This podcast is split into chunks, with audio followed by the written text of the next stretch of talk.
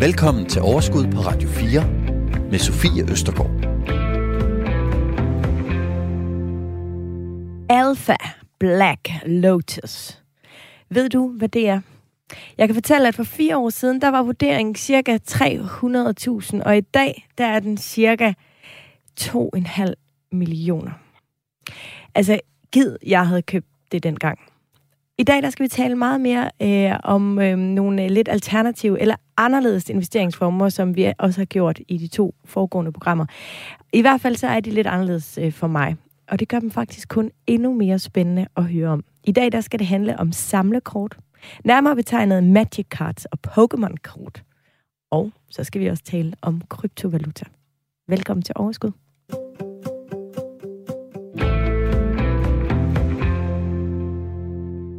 Yes, og jeg har besøg af to, eller det vil sige, jeg har en på linjen og en i studiet. Og, øh, og med her i studiet, der har jeg dig, Ulrik Lykke. Velkommen til. Tak for det. Du er kryptoinvestor, og så er du tidligere en del af kryptofonden ARK 36. Korrekt. Det er et godt sted at starte, at det er i hvert fald det, det mindste er rigtigt. Ulrik, du bor normalt på Kyberen. Du er lige et smut herhjemme i Danmark. Alt godt i din verden, kryptoverdenen. Jamen, øh, det synes jeg. Altså, når man beskæftiger sig med, med investeringer, så kigger man jo øh, i høj grad efter, hvad, hvad kan give noget afkast, og hvad er den risiko, man påtager sig. Og cryptocurrencies og kryptoaktiver, som de også bliver kaldt nu, øh, er noget af det, der repræsenterer den bedste risk-to-return øh, profil, som jeg i hvert fald kan identificere, og derfor bruger jeg en stor del af min hvad skal man sige, hjernekapacitet på at investere i de markeder. Og tid. Men øhm, det skal vi tale meget mere om øh, lige om lidt, for vi skal lige hilse på Peter Strandbæk. Du er med på telefonen fra Aalborg. Hej Peter. Hej. Du samler, spiller, og så er du indehaver af The Card Collective i Aalborg. Og øh, det er jo, altså det handler om, øh, om kort, hovedsageligt Magic Cards og Pokémon-kort. Det er korrekt. Hvor længe har du øh, interesseret dig for det?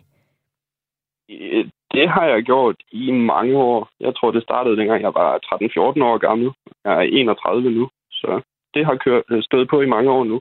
Hvornår er det så gået hen, sådan er blevet øh, øh, et, et erhverv for dig, eller sådan, altså mere professionelt? Det skete øh, faktisk under min uddannelse, da jeg var i gang med at færdiggøre min øh, master, hvor jeg fik en chance for ligesom at, at tage det til et professionelt plan. Øh, og der valgte jeg sammen med to andre at starte en virksomhed op, som skulle købe og sælge og investere i samlerobjekter. Det er meget spændende. Altså, og jeg, jeg kan ikke lade være med at tænke, at øh, altså, det du også faktisk selv siger, det er ikke, fordi jeg har en søn, han er seks nu, men da han var fem, der begyndte han at interessere sig for Pokémon. Øh, først var det det der spil, og så begyndte han ligesom at synes, at de der kort var helt vildt spændende. Og så øh, vil han gerne samle på dem, og så ved jeg ikke, jeg har været med ham til sådan utallige af, øh, Øh, af store drenge, øh, som vi har fundet på for eksempel Reshop og sådan noget, der sælger deres, deres små kort, og så er de så mødt, mødt hinanden, og så er de stået med sådan en lille topperware, et eller andet med kort i, og så har vi ligesom måtte vælge, og så har de kostet sådan en krone stykket og sådan noget, ikke? Øh, og det er bare det, du ligesom har taget til next level, må man sige. Det kan man godt sige. Det, altså, Pokémon er jo 25 år gammel. Øh, så det har eksisteret i lang tid, og der findes både nye og gamle kort, som, som stadigvæk er populære og bliver handlet for ja, en krone, og så op i, i flere millioner. Og øhm, vil du lige prøve at forklare så, øhm, hvad Magic Cards er?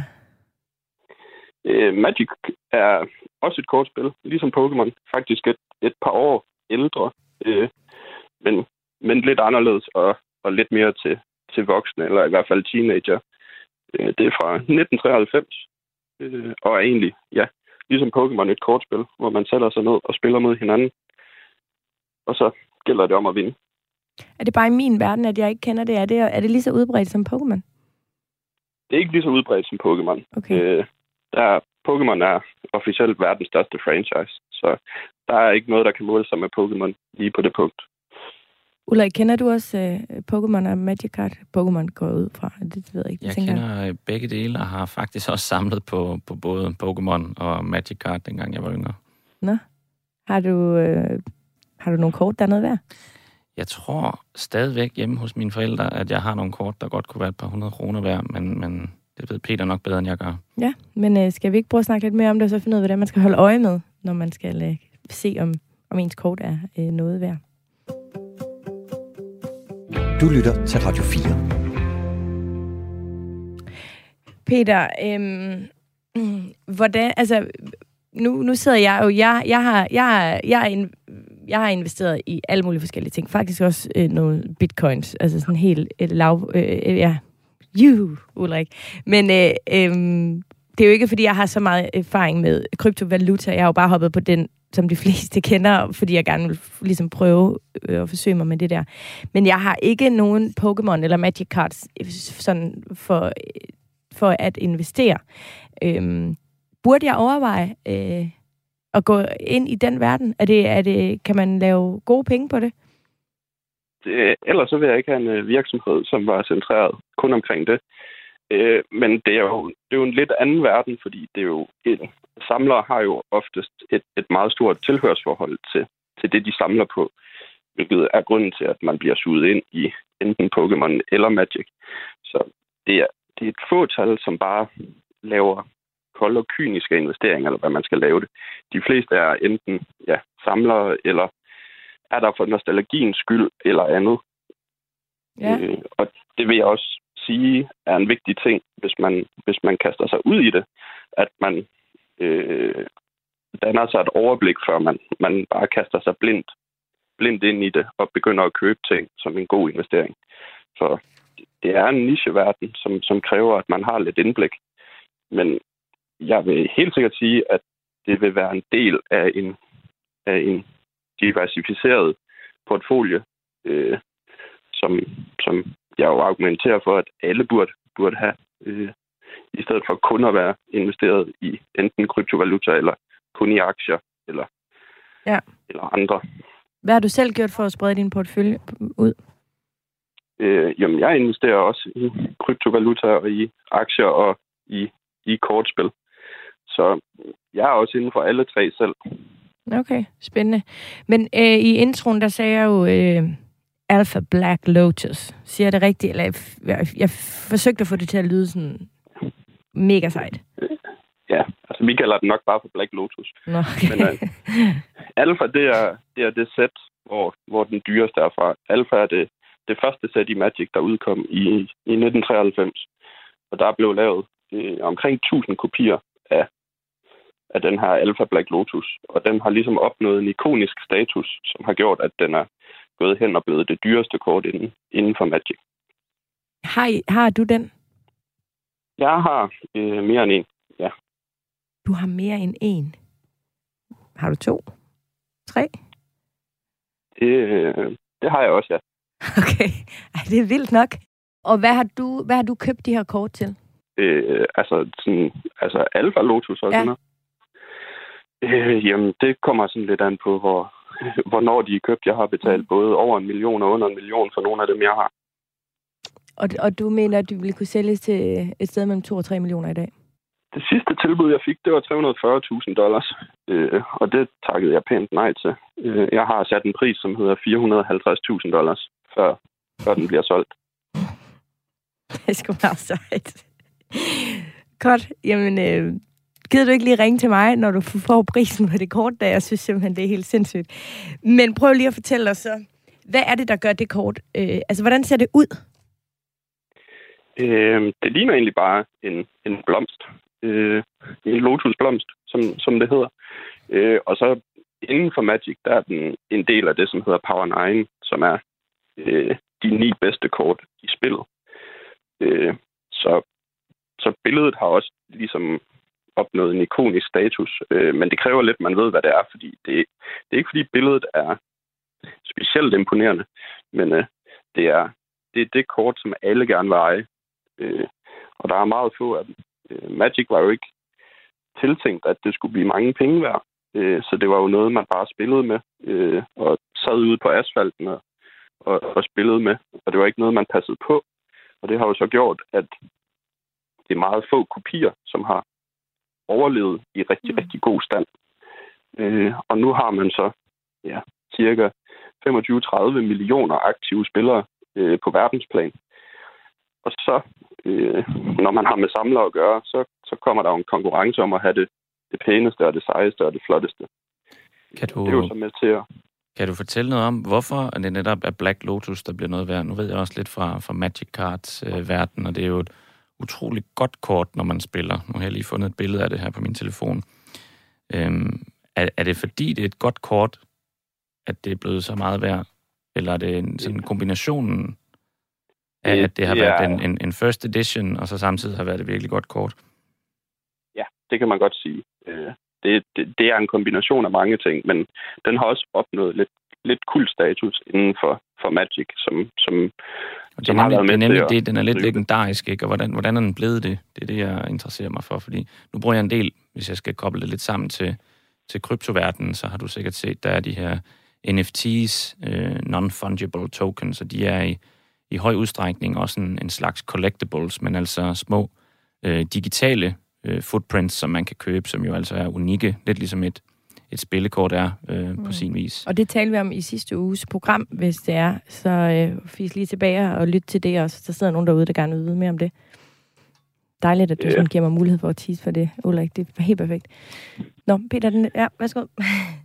Ja, Hvis jeg lige må, må, må give dig den igen, Peter, så, så øh, hvad, hvad er det, der... Hvis jeg nu for eksempel, hvis jeg skal vælge en collectible, om det er en Magic Card eller en NFT, hvordan skal jeg vælge dem øh, fra et investeringssynspunkt tidligt, øh, med henblik på, at jeg gerne vil købe noget, der stiger i værdi? øh, der er det jo at kigge på, på, på sjældenhed, og hvor sjældent noget er, øh, og også hvor, hvor højt er øh, demandet ligesom for det, man køber. Fordi der findes kort, der er lige så sjældne som en Black Lotus, men der er bare ikke lige så mange der, mennesker, der er interesseret i øh, at købe en, øh, et tilfældigt kort, som der er øh, i forhold til en Black Lotus. Det så man også inden for, for Pokémon. Inden for Pokémon, der er det Charizard, der er det mest ikoniske kort, og som har været med til at, at drive priserne inden for det. Og det er egentlig ikke, fordi Charizard er, er et specielt øh, godt kort, men den er bare ikonisk, og den har opnået en status, hvor at det er den, som, som alle kender, og, og alle vil have fat i. Øh, og når der så nogle gange kommer også store penge udefra, så, så skal man jo ligesom finde ud af, hvad er det, som alle de andre vil have. Mm. Og hvis du kigger på Magic, så er det, alle vil have, det er en Black Lotus. Og hvad får, det, altså, hvad får dig så til at tro, at det også vil være sådan om 5-10 år, altså hvis vi ser ud i fremtiden? Vil, vil det blive ved med at være den her hype omkring det? Ja, det er jo et godt spørgsmål, og det er jo selvfølgelig noget, jeg tror på, ellers så, så stod jeg ikke der, hvor jeg står i dag. Øh, for, for et par måneder siden, der solgte det, det dyreste baseballkort for 40 millioner kroner.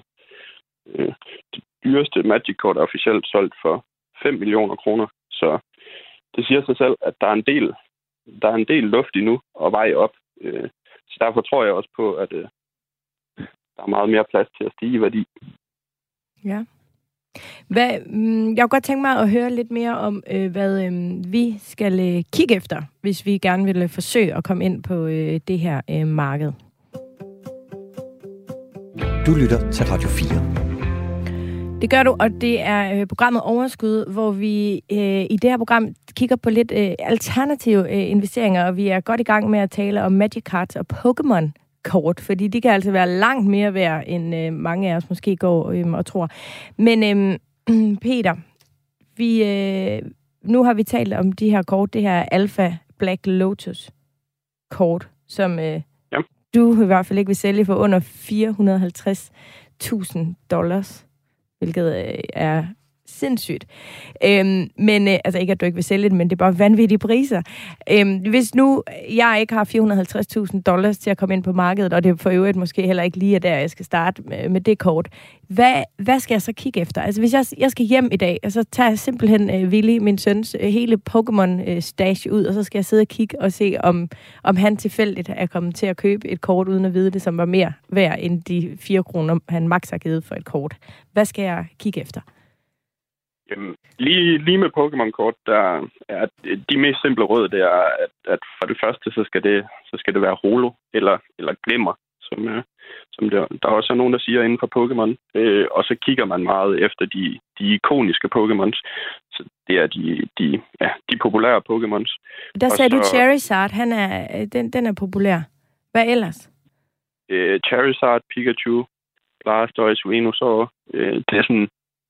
Dem der, dem, der har været med siden starten, er faktisk også i dag øh, meget populære. Okay. Øh, det at samle, det, det er drevet meget af nostalgi, og det er, jo, det er jo fordi, at vi er en generation af, af nu voksne mennesker, som er kommet ud på arbejdsmarkedet, og vi har fået penge blandt hænderne. Og nu har vi mulighed for at købe det, som, øh, som vi havde, da vi var børn.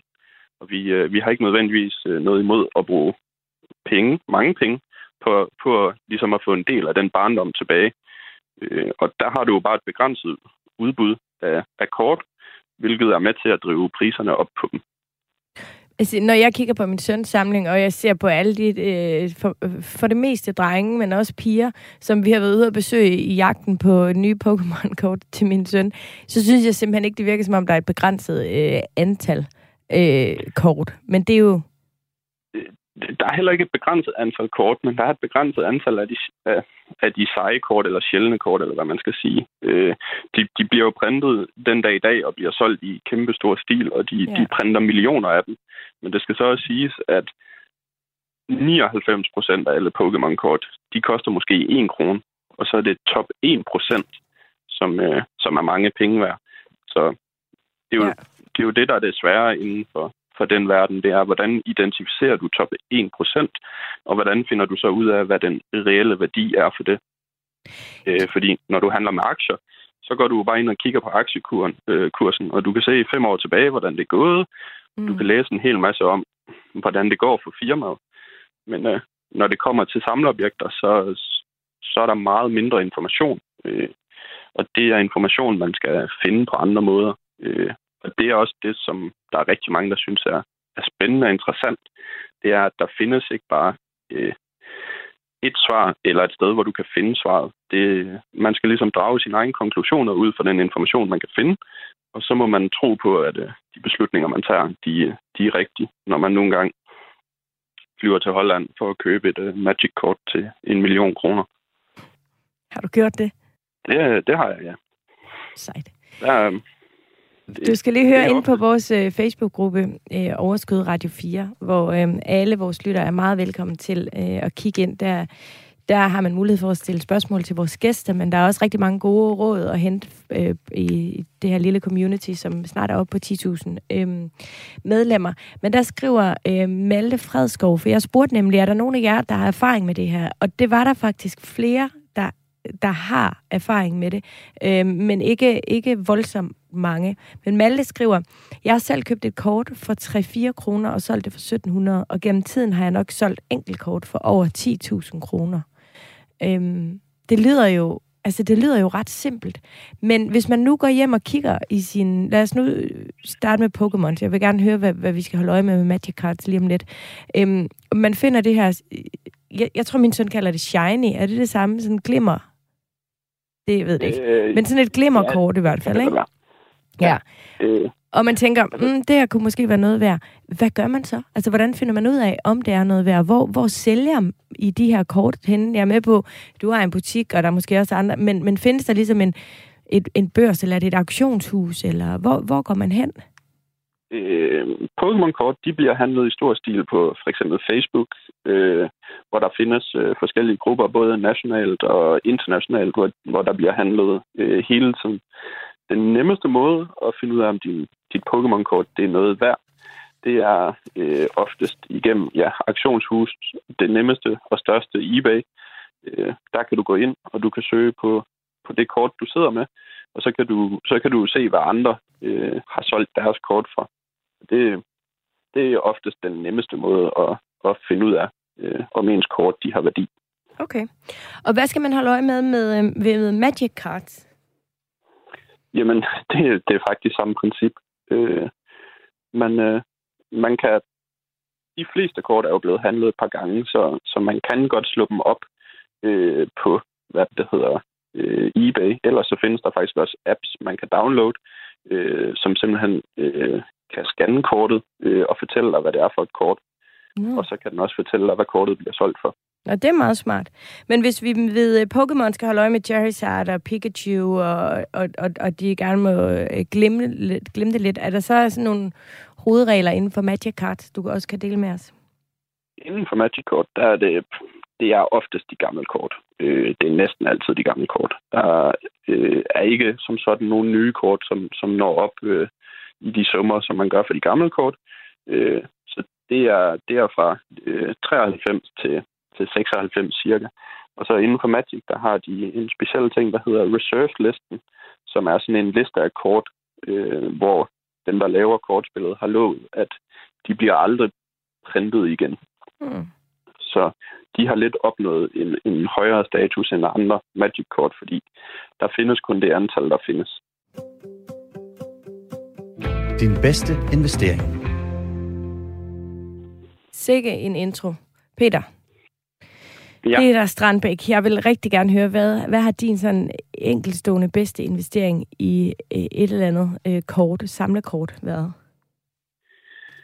Øh, snakker vi privat eller som, som virksomhed? Ja, bare den bedste. Den bedste, mm. det er nok en million i profit indtil nu. Og hvordan, fortæl hvad det var i. Det, det var en Black Lotus, så det var ikke, ikke så spændende, hvad det angår. Jeg synes nu, det er meget spændende. Hvor, hvor, hvor, hvor, hvor købte du den hen? Øh, den, øh, den købte jeg sammen med nogle andre i øh, Las Vegas. Hvorfor Las Vegas? Det, øh, det er nok bare amerikanere og meget amerikansk. Øh, Den største Magic-turnering, den, øh, den blev holdt i Las Vegas. Øh, så det er ligesom samlestedet. Øh, når alt, øh, alt det store, det ligesom skal gå for sig, så, så er det byen, man samles i. Og hvad, hvad sker der så? Altså, så, så, så mødes I fra hele verden med, har I så jeres kort med i hånden? I før corona, eller hvad man skulle sige, der Ja, var der øh, turneringer, som, øh, som blev holdt omkring, øh, rundt omkring i hele verden. Øh, cirka hver, hver anden uge var der en turnering i, i alle de største byer i hele verden. Øh, og dem rejser man øh, rundt til, enten for at spille, eller for at ligesom være forhandler. Så rejser man til Las Vegas, og så slår du din bod op, sætter din kort til salg, øh, og så køber og sælger du ligesom øh, en hel weekend. Øh, men det er, øh, det er også stedet, ja, hvor, hvor de high, high rollers ligesom, ligesom samles, eller hvad, hvad man skal sige. Så vi havde en person i Las Vegas, som havde taget 300.000 dollars med i kontanter, øh, som han skulle bruge derovre. Øh, så han gik rundt øh, og købte og solgte, øh, indtil han ikke havde øh, flere penge tilbage, og kun Magic-kort med i tasken på vej hjem. Shit. Og altså, hvad så? Så var der en, der havde slået sin bod op derovre, og så gik du forbi, og så så du et kort til en million. Og så, Øh, vi havde en båd. I havde en båd. så. Så kom der en forbi med sit kort. Ja, det er jo, det er jo, det er jo den eneste måde ligesom at få de gamle kort på, det er, at øh, der er nogen, der ligesom er villige til at, til at sælge dem til dig. Øh, så så, så der, der går der jo en forhandling i, i gang, alt efter øh, hvad man mener kortet er værd, og så hvis man kan blive enige om en pris, så, så køber man det. Øh, Hvordan øh, foregår selve transaktionen, ja. når man har et, et objekt, som er et kort, som jo på en eller anden måde godt kan være forfalsket? Hvordan sikrer du dig, at du får den rigtige vare, og det er i god stand osv.? Øh, lige med de rigtig, rigtig dyre kort, og det, som jeg handler meget med, det er det, som hedder graded kort. Så de har været forbi et professionelt firma, som har, har vurderet standen på kortet, øh, og, og ligesom øh, sætter deres ord på, at, at kortet det er ægte. Øh, og så indkapsler de det i sådan en lille plastikboks, hvor de sætter en karakter på. Øh, og så er det, ja, så kan man sige, så er det det, man går ud fra. Men jeg har selvfølgelig også trænet i at, at spotte, øh, hvordan et falsk kort ser ud. Øh, og det, det kan man gøre på et, øh, på et utal af måder. Øh, jeg har for det meste en lille vægt og et loop med, som øh, jeg bruger til at tjekke med, hvis jeg er i tvivl om noget. Og så, ja, hvis en, hvis en handel er for god til at være sand, så kan der jo godt øh, ligesom være noget i gære. Øh, men indtil nu, så går det egentlig meget godt med at, at finde de falske kort. Jamen, øh, det, det må jeg sige. Det er altså virkelig spændende. Ulrik, jeg kan mærke på dig, at du også synes, det er spændende, det her.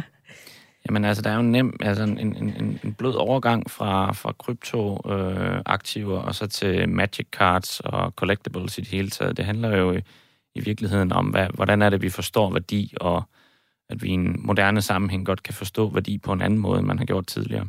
Mm. En af de første øh, børser, jeg også handlede, øh, bit, hvor jeg købte min første bitcoin, den hed også Magic the Gathering Online Exchange. Og det var altså en exchange, en børs, der var oprettet med det formål, at man faktisk kunne, kunne handle øh, Magic Cards øh, på den her børs. Det gik den her, øh, stifteren af den her, det gik han så senere væk fra, og begyndte at bruge, bare bruge domænet til at lave en bitcoin-børs på i stedet for. Ja. Øh, så det er jo relativt øh, øh, skægt, ikke, at der er nogle, der er ligesom nogle sammenhæng mellem, mellem de to verdener. Øh, ja. Også historisk set. Peter, jeg ved, du også øh, du kender også lidt til øh, lidt sammenhæng, eller hvor de i hvert fald bliver øh, merged lidt øh, sammen. Er det ikke rigtigt? Det gør jeg jo. Øh, der kan man egentlig sige, at øh, samlermarkedet, det, hvad det, hedder, det følger egentlig kryptomarkedet øh, meget godt. Øh, mest fordi, at øh, de personer, som er meget dybt ind i begge ting, de, de overlapper rigtig meget. Det er oftest folk, der investerer i begge ting.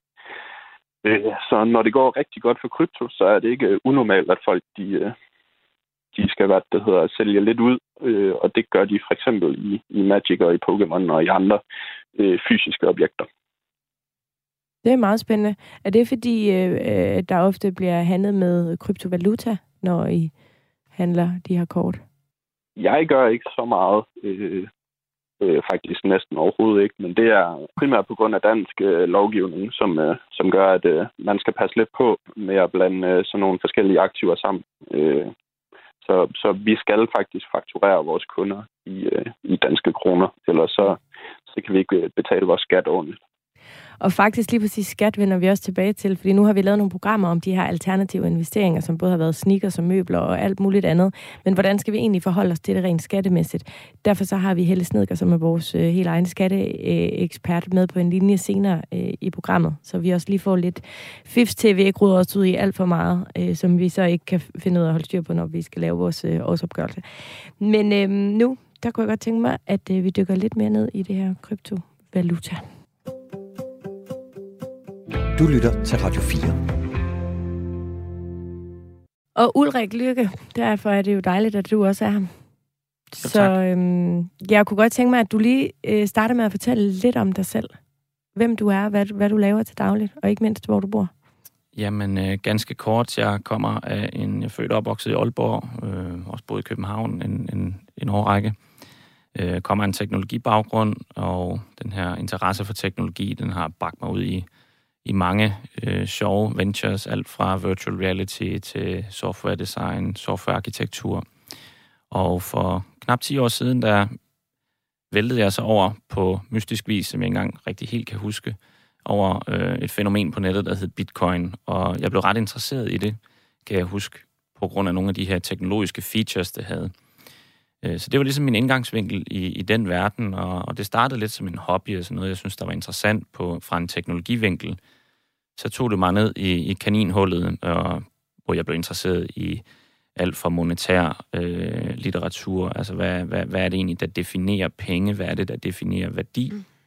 hvorfor det også er meget interessant for mig at høre øh, besøg her omkring collectibles, fordi det er historisk set også noget, som man har forstået som værdi i rigtig, rigtig mange år, øh, inden man havde reelle penge. Og øh, jeg tror jo så på øh, nu, hvor jeg så ligesom kan kombinere de her aspekter fra den teknologiske verden med øh, det finansielle eller økonomiske område, at vi står over for et øh, dogmeskift i forhold til, hvordan vi forstår værdi og hvordan transaktioner kan ske. Øh, og det helt fantastiske ved, ved bitcoin, og hvorfor det er så, så interessant, er egentlig, at det er det første øh, digitale produkt, som er unikt. Og hvad vil det sige? Jamen, det vil sige, at hvis jeg tager et billede af os, der sidder her i studiet, og jeg sender det til dig, øh, så sender jeg ikke det fysiske billede, så sender jeg egentlig en digital kopi af det billede. Det vil sige, billedet eksisterer nu i en dublet på to forskellige enheder. Øh, Bitcoin som det første teknologiprodukt, øh, eller som noget, der, der kun er forankret i softwareverdenen, øh, giver muligheden for, at jeg kan sende noget i næsten fysisk forstand fra A til B, hvor lige så snart det har forladt øh, min wallet og tilkommer til din, jamen så eksisterer det ikke længere i min. Men det er også spændende. Jeg har selv, det sagde jeg lige, lidt bitcoins. Men that's it. Hvor mange forskellige kryptovalutaer du investeret i? Jamen, øh, når folk spørger mig om det, så tænker de typisk, at øh, oh, jeg er et, et væld af forskellige ting. Øh, når alt kommer til alt, så er jeg egentlig relativt konservativ med mine øh, øh, kryptoaktiver, de ting, jeg investerer i. Jeg investerer i ting, jeg kan forstå. Jeg investerer i ting, hvor jeg ser en, en mulig upside, forstået på den måde, at, at jeg skal gerne kunne, kunne se, hvad er det for et, et løsningsforslag, den her, det her aktiv, det, det bringer. Og øh, lige pt. er jeg relativt koncentreret om nogle, nogle få udvalgte øh, bets. Øh, klart, klart, klart det største af, øh, af hvilket som helst aktiv, jeg nogensinde vil investere i, i, i den digitale øh, valutaverden, er, er bitcoin. Og det er det også lige nu. Jeg formoder, det også vil være sådan i fremtiden. Så hvad var antallet?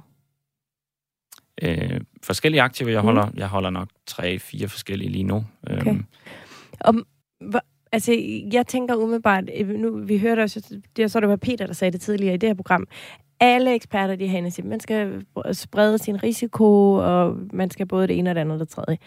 Er det så det eneste, du investerer i? Eller har du så også andre, øhm, i din, hvis man kigger på din samlede portefølje, for at lente op og sprede risikoen?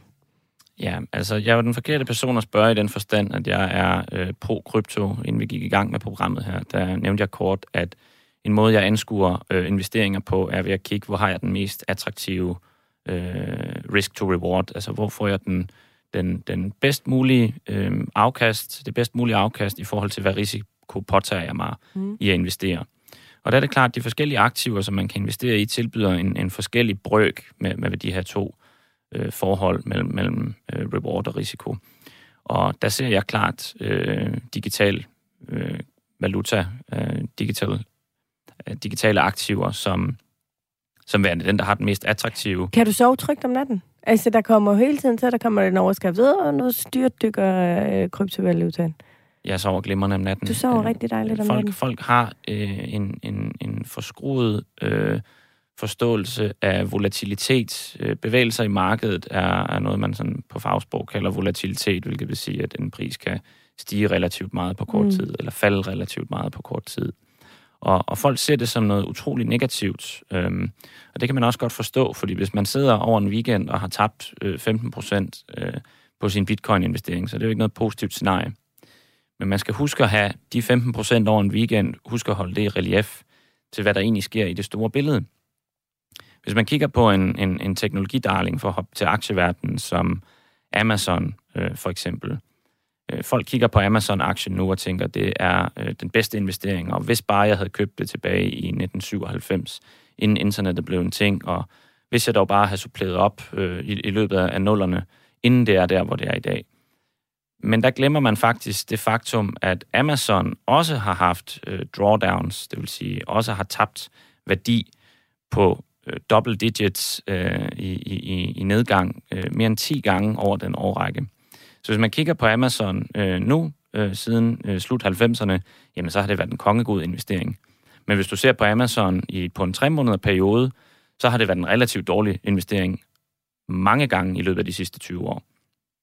Ja. Og sådan forholder det sig også mm. med, med, med bitcoin og digitale aktiver i det hele taget. Det er et meget, meget volatilt aktiv. Det er et meget, meget ungt, meget, meget ung aktiv klasse øh, i det hele taget. Det er en meget, meget øh, lille økonomi i det hele taget. Øh, bitcoin, lige pt, øh, værdien af alle bitcoin i, i cirkulation er pt omkring 1 trilliard dollars værd. Altså mindre værd end Apple, som er en, en, en selvstændig enkeltstående virksomhed. Så det fortæller lidt om størrelsesforholdet i, i selve økonomien. Øhm, og det er klart, at som den modnes, vil volatiliteten formodentlig også udjævnes en lille smule, hvilket vil sige, de udsving, der vil komme i prisen, vil være mindre og mindre og mindre, som tiden går.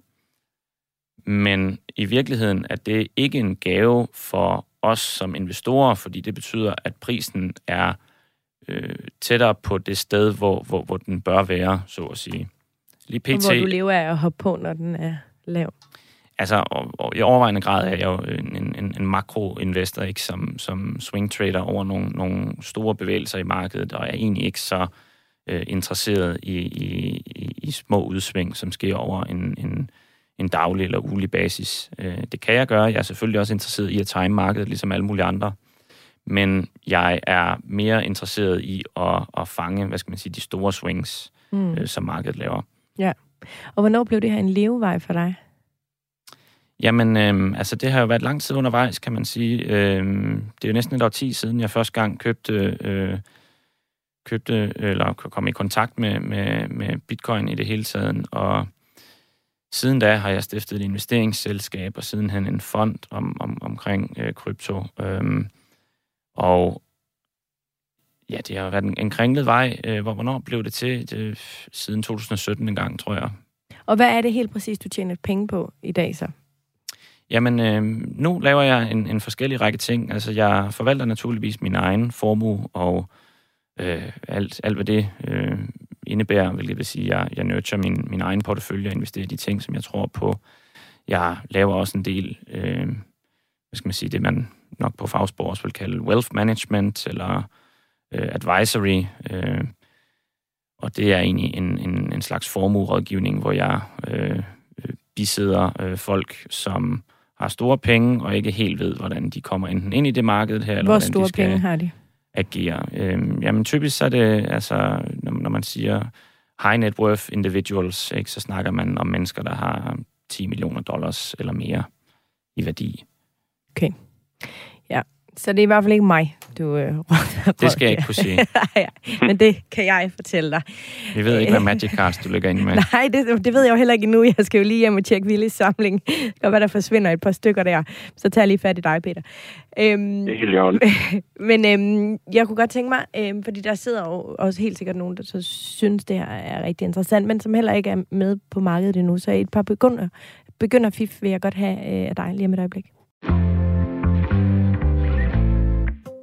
Du lytter til Overskud på Radio 4. Dagens gæster er Ulrik Lykke, kryptoinvestor, og Peter Strandbæk, kortsamler og indehaver af The Card Collective.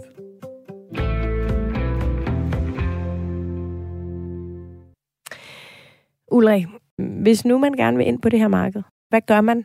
Hvad, hvad, hvad vil din anbefaling være? Jamen, min anbefaling vil, vil øh, først og fremmest igen i, i helt øh, helikopterview være, at man naturligvis ikke skal investere i noget, som man ikke ved, hvad er. Man skal ikke investere for penge, man ikke kan tåle at miste. Man skal heller ikke øh, investere for penge, man har brug for her og nu. Det er sådan de, de grundlæggende øh, Mm. råd herfra. Når det så er sagt, så man har fundet ud af, at øh, det her det kunne være en interessant investering for mig, men så er spørgsmålet, hvordan kommer jeg ind på markedet, og hvad skal jeg investere i, og på hvilket tidspunkt. Og hvis vi starter fra, fra det sidste del af det øh, spørgsmål, øh, tidspunktet, så kan det være utrolig svært, hvis ikke man er professionel eller sidder og bruger relativt meget tid, og i virkeligheden også, selvom man gør, så er det utrolig, utrolig svært at time markedet.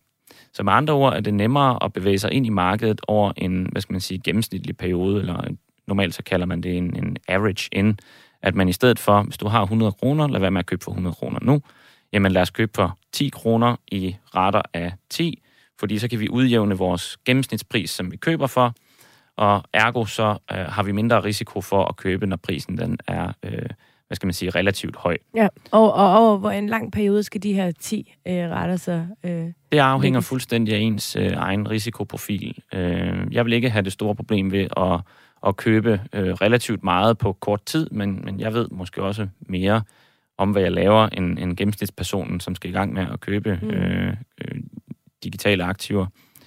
Øh, så, så jeg vil sige, at hvis man spreder sin, øh, sin, sin, lægger sin plan øh, med sit beløb, og alle beløb er jo også relativt, så jeg tænker altid i procent, i stedet for at tænke i, i kroner og øre. Men hvis vi holder os til 100 kroner eksemplet, så vil jeg sige, at hvis, øh, hvis, hvis man køber sin grundposition på 20 procent af ens samlede kapital, som man ønsker at investere for, så er man godt på vej. Og så spred resten af, øh, af pengene. Øh, gå langsomt ind i markedet. Måske det kunne være over nogle uger, det kunne være over nogle måneder. Men læg en plan for, hvor lang tid skal det tage mig at komme ind, og så simpelthen følge den plan slavisk. Så kommer vi til det første spørgsmål i forhold til, hvad skal jeg så investere i? Og der er jo øhm, altså på nuværende tidspunkt øh, mange tusind forskellige øh, cryptocurrencies, eller digitale aktiver, eller non-fungible tokens, øh, man kan investere i. Så det er noget af en jungle at finde øh, hoved og hale i. Men jeg vil vende tilbage til det spørgsmål, og, og, og, og sådan helt centrale, øh, fundamentale ting i forhold til, hvad er det, der er så enestående ved øh, digital valuta. Og der er vi tilbage til det her øh, første aspekt, jeg, jeg nævnte med, at det er noget, der eksisterer digitalt, og det er noget, der er unikt. Og, og så er det noget, der er decentralt, og det er åbent for alle, og der er en masse øh, forskellige parametre, der, der gør det interessant. Og PT det aktiv, som hvad skal man sige, fits the bill øh, på bedst mulig vis i forhold til de her ting, jeg lige nævner, det er bitcoin. Det er også samtidig det, der har eksisteret det længste tid, og er formentlig også det, der har den største mulighed for at eksistere over de næste 10 år. Så, så det er det måske et... en god start, øh, kryptovaluta, bitcoin. Bitcoin, start med bitcoin, det er klart det mindst risikable aktiv, man kan købe i den her verden. Men nu når du siger risiko, så skal du lige prøve at høre her øh, fra Thomas, som er en af vores øh, lytter. Øh, han har nemlig øh, også forsøgt sig med kryptovaluta-investeringer. Hej Overskud, jeg hedder Thomas, og jeg har investeret i krypto i et par år snart. For ja, det er jo snart en måneds tid siden, blev jeg udsat for, for phishing, da jeg skulle til at købe en, øh, en ny coin.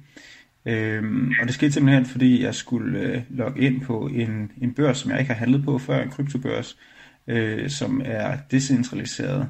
Øhm, og øh, jeg skrev navnet på, på børsen ind i øh, søgefeltet på Google, og øh, kom ind på, på børsen, øh, som så viste sig faktisk at være et øh, phishing site, der er ude efter at få ens øh, seed phrase, som er sådan en slags øh, master key til ens konto, sådan så at man i princippet kan genoprette øh, ens øh, krypto-wallet på, på ens computer, hvis man skulle miste den. Og jeg, øh, jeg klikkede lidt rundt på den her side for at komme ind og, og købe den coin, men ligegyldigt hvad jeg trykkede på, så poppede den op med, at jeg skulle skrive mit seed phrase. Så jeg skrev den ind, og jeg kom ind på hjemmesiden, og øh, det så mere og mere suspekt ud. Øh, og jeg gik væk fra den igen, og gik så tilbage på min Google-søgning og kunne godt se, at øh, der var flere hjemmesider på vej derned af øh, på søgning, som, som mindede om den her øh, navnet på den her hjemmeside, og fandt så også den rigtige til sidst. Fik øh, lavet min, min handel, og øh, tænkte ikke videre over det. Øh, der gik et stykke tid, og øh, så loggede jeg ind på min, på min wallet igen, og øh, da jeg så ser den, så står der bare 0 øh, hele vejen ned.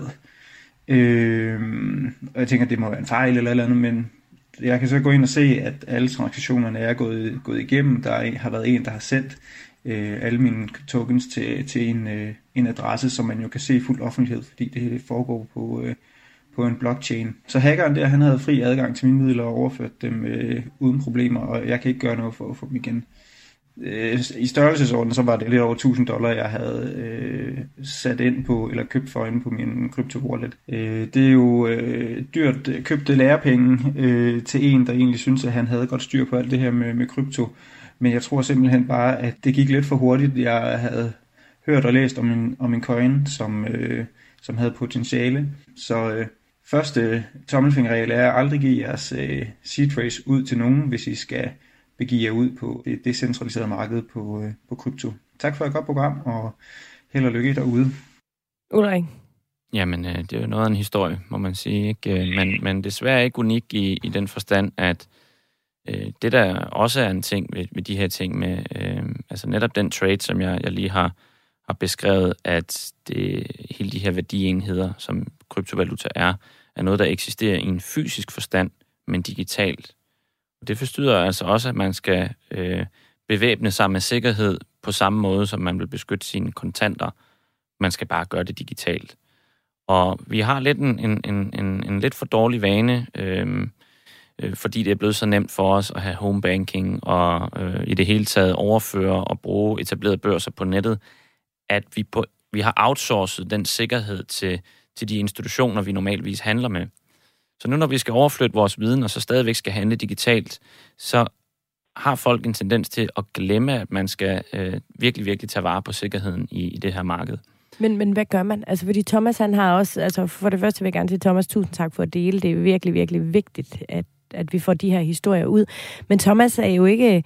Altså, han har jo erfaring med det her. Altså, yes. det er jo ikke første gang. Altså, så jeg kan godt forstå, hvis der er nogen, der sidder og tænker, jeg har ikke prøvet det her før, det skal jeg bare overhovedet ikke ind på. Øhm, hvad? Nu, nu kan man sige, øh, jamen, altså, historien er ikke unik. Der, der er masser af, og det, det er selvfølgelig tragisk hver eneste gang, der er nogen, der bliver, bliver snydt for deres penge, og, og, og virkelig ærgerligt. Øh, vi kan glæde os over i det her tilfælde. Det, det har været 1000 dollars. Jeg har også hørt mange eksempler på folk, der har mistet millionvis af, af, af kroner. Øh, det er ikke sjældent, jeg får en, en henvendelse øh, fra venstre eller højre med nogen, der gerne vil have nogle råd og spørger, jamen hey, hvad kan jeg gøre nu? Der er nogen, der har tømt min wallet. Og problemet er, når, når, det, når skaden først er sket, så er det utrolig svært at lave øh, altså, biside med, med nogen form for hjælp, og jeg, jeg hjælper altid gerne med nogle gode råd, og er også god til at sende folk i retning af nogen, der kan lave øh, efterretning på de her ting her. Men problemet er, at du er kun tilbage at lave efterretning. Du mm. kan ikke lave en form for beskyttelse. Du kan ikke gøre noget for at få dine penge tilbage sådan på, i umiddelbar forstand. Så hvad er det bedste råd til folk, der skal ind på det her marked så uden erfaring og ikke skal ende ligesom Thomas? Tænk risiko først, øh, som jeg også var inde på før. Øh, hvis man tager de, øh, det grundprincip, øh, altså ikke at investere penge, man ikke har råd til at tabe, og man, ikke, mm. øh, man kan undgå at man kan kigge her. platform. Øh, kigge på at bruge nogle etablerede børser, som har eksisteret i lang tid, som ikke har været udsat for, for hackerangreb. Øh, historisk set, sørg for at have en sikker e-mailadresse øh, knyttet til den børs her, muligvis en unik e-mail, som kun er knyttet til den her specifikke børs, eller man kun bruger til det øh, singulære formål at handle kryptovaluta på den her specifikke platform. Sørg for at have et godt password, sørg for at have en two-factor uh, authentication, mm. som er den her lille ekstra kode, man typisk har på sin mobil. Brug den både på din e-mail og brug den på børsen.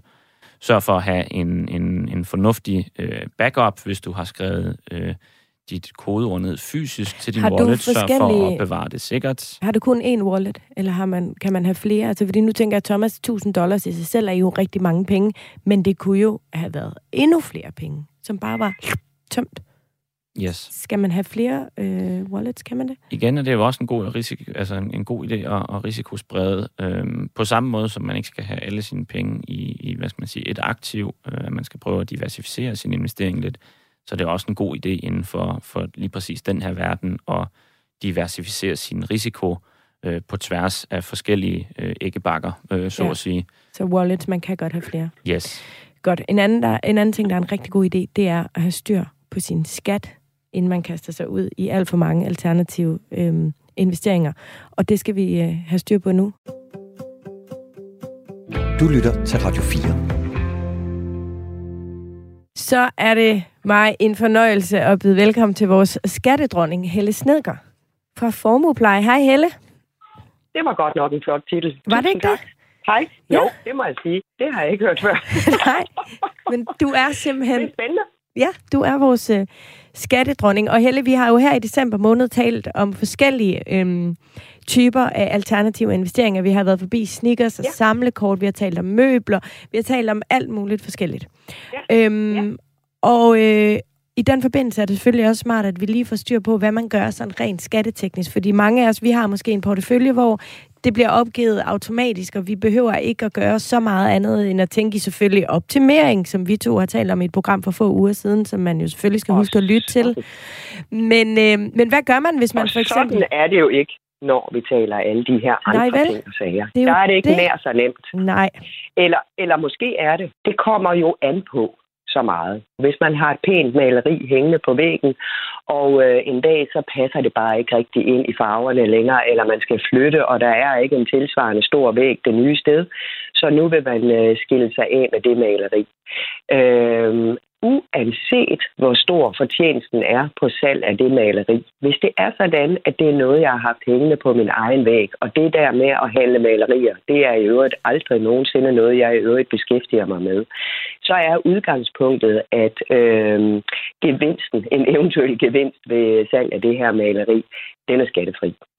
Der findes sådan ligesom tre trin i den her stige. Og øh, endnu en gang, så vil jeg for det første rose skat for, at øh, hvis man går ind på skats hjemmeside og søger på øh, private aktiver, så er der sådan en rigtig fin øh, juridisk vejledning, der fortæller lidt om det her med, øh, hvornår er der tale om skat, og hvornår er der ikke tale om skat. Og så er der også oplistet en masse eksempler fra, øh, fra de afgørelser, der er, er truffet. Fordi så kan man måske spore sig lidt ind på, hvad gælder lige præcis i mit tilfælde. Fordi det ene yderpunkt, det er det, som jeg nævner her. Jeg har aldrig nogensinde handlet med malerier. Jeg har haft et smukt maleri hængende på min væg i evigheder, og nu vil jeg skille mig af med det, og det sælger jeg med fortjeneste. Udgangspunktet er, at det salg er skattefrit. Og nu nævnte jeg maleri, men det vil jo være gældende også med andre øh, lignende aktiver. Mm. Øhm, og hvad er det så, der kan gøre, at det bliver skattepligtigt?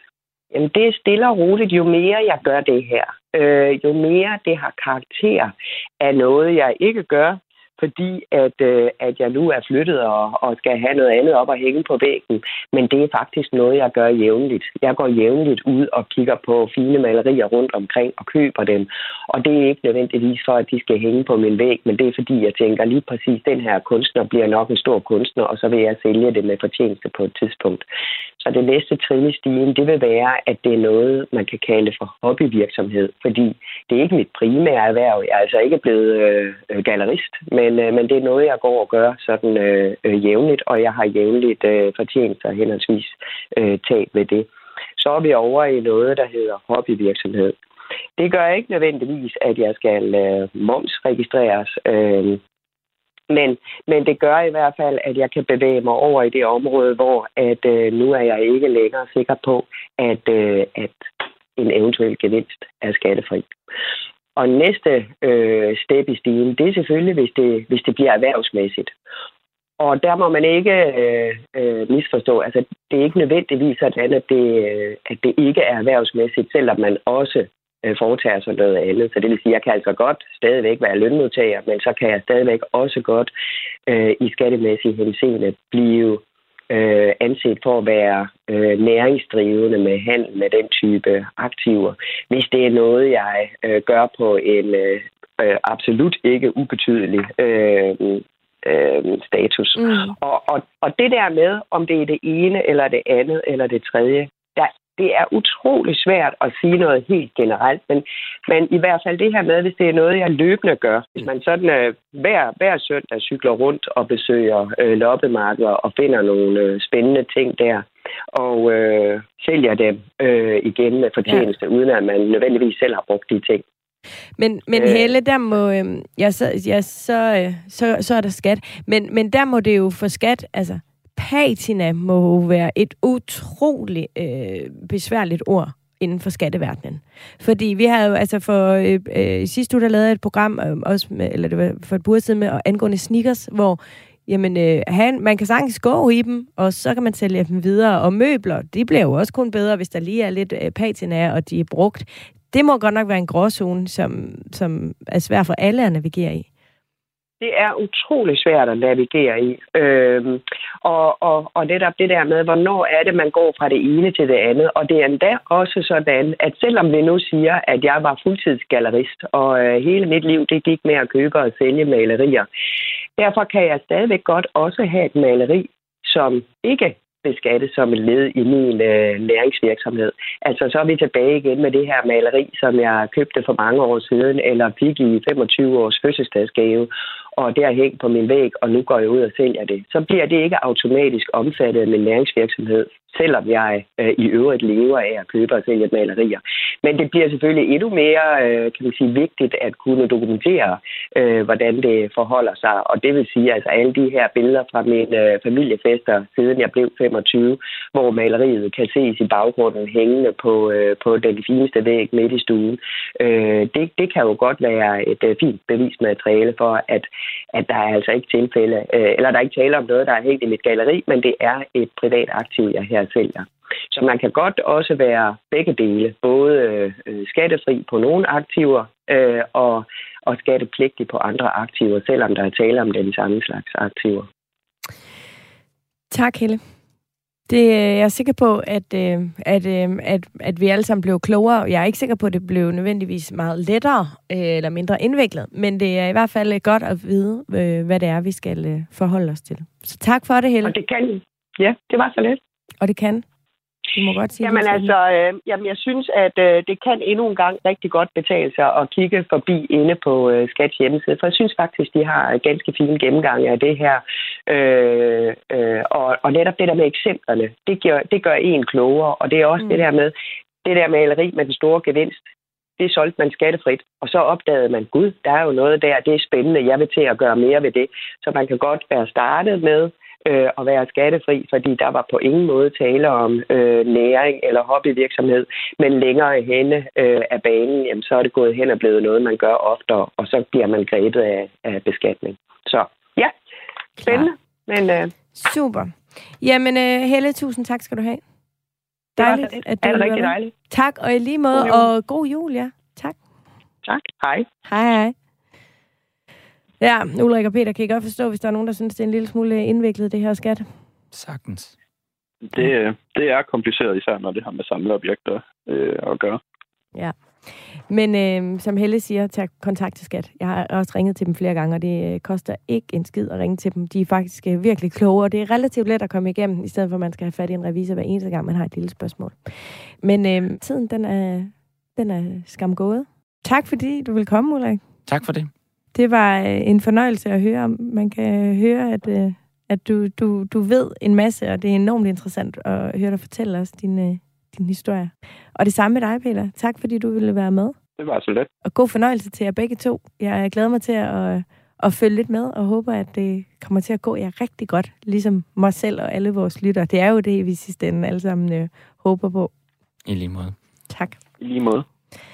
Programmet er slut, og det var tilrettelagt af mig selv og af Anders Hermann. Husk, som jeg har sagt, find os ind på vores øh, Facebook-gruppe Overskud Radio 4, og eller ring til os på 25 44 19 44. Fortæl din gode historie. Måske har du et godt råd, eller måske har du et øh, ønske til, hvilket emne vi skal tage op her i øh, programmet.